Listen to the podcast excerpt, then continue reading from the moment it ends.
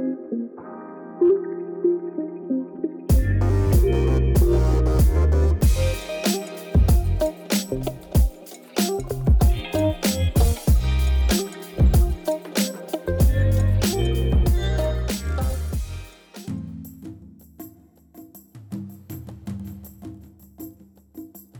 Günaydın sevgili dinleyenler. Bizi nerede, nasıl ve ne zaman dinliyorsanız gününüzün güzel geçmesini diliyor, sizlere dünden geriye kalan haberleri sunmaya başlıyoruz. İtalya, Macaristan ve Yunanistan gibi ülkelerin düzensiz göçmenlere yönelik geri itme ve kötü muamelelerine karşın etkin bir politika uygulamadığı için Uluslararası Göç Birliği Avrupa Birliği'ni eleştirdi.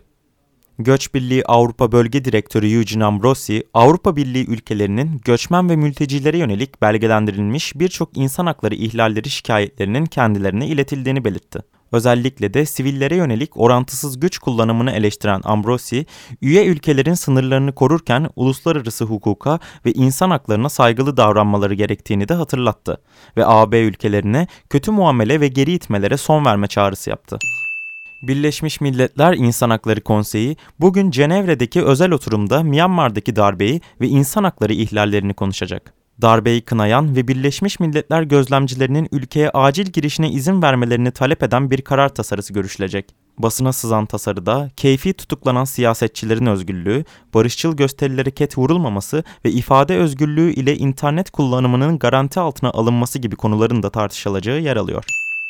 Suudi Arabistanlı kadın hakları aktivisti Lujen El Hatlul yaklaşık 3 yıl hapis yatmasının ardından serbest bırakıldı. Hatlul, siyasi sistemi değiştirmeye çalışmak ve ulusal birliğe zarar vermek suçlarından mahkum edilmişti. Hatlul'un ailesi ünlü aktivistin hapiste işkenceye maruz kaldığını açıklamasına rağmen Suudi yetkililer bu iddiaları reddediyor.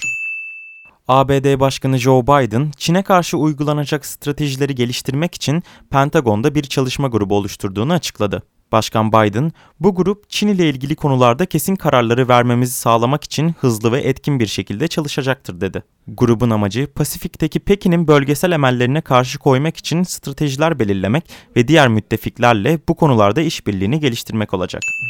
2020'nin Haziran ayında yaşanan karşılıklı çatışmalar sonucu Çin ve Hindistan askerlerinin hayatını kaybettiği sınırdaki Himalaya'nın batısında bulunan Ladakh bölgesinde iki taraf krizi yumuşatmak için anlaşmaya vardı. Hindistan, Ladak'tan askerlerinin karşılıklı olarak geri çekileceğini açıkladı. Ancak bunun Çin'e verilen bir taviz olmadığının da altını çizdi. Çin ise geri çekilme kararını doğruladı. Ara ara çatışmaların yaşandığı bölgeden geri çekilme kararının Haziran'dan bu yana gerçekleştirilen en kapsamlı girişim olduğu ifade ediliyor. Volkswagen ve Microsoft otonom araç geliştirme projesinde beraber çalışacaklarını duyurdu.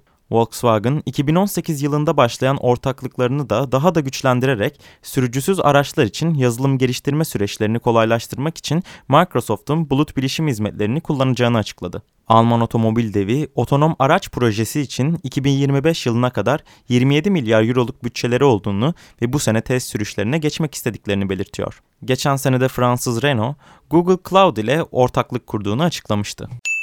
Fransa'da hükümet Charles de Gaulle havaalanında 9 milyar euroluk maliyetle dikkat çeken genişletme projesini iptal ettiklerini açıkladı. İptal kararının projenin küresel iklim krizi ve çevre sorunlarına yönelik bir düzenlemeye sahip olmaması nedeniyle alındığını belirten hükümet, çevre politikalarıyla da daha uyumlu bir yeni proje tasarlayacak.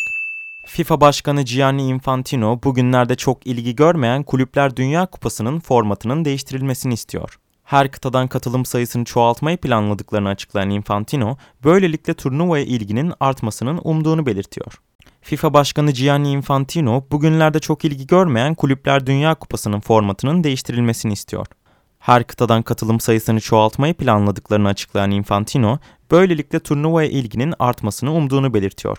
Ayrıca Infantino 2022'de Katar'da düzenlenecek Dünya Kupası'nın ise dolu statlarda oynanacağını ve taraftarın olması gereken yere geri döneceğini açıkladı. Yarın tekrar görüşünceye dek hoşçakalın.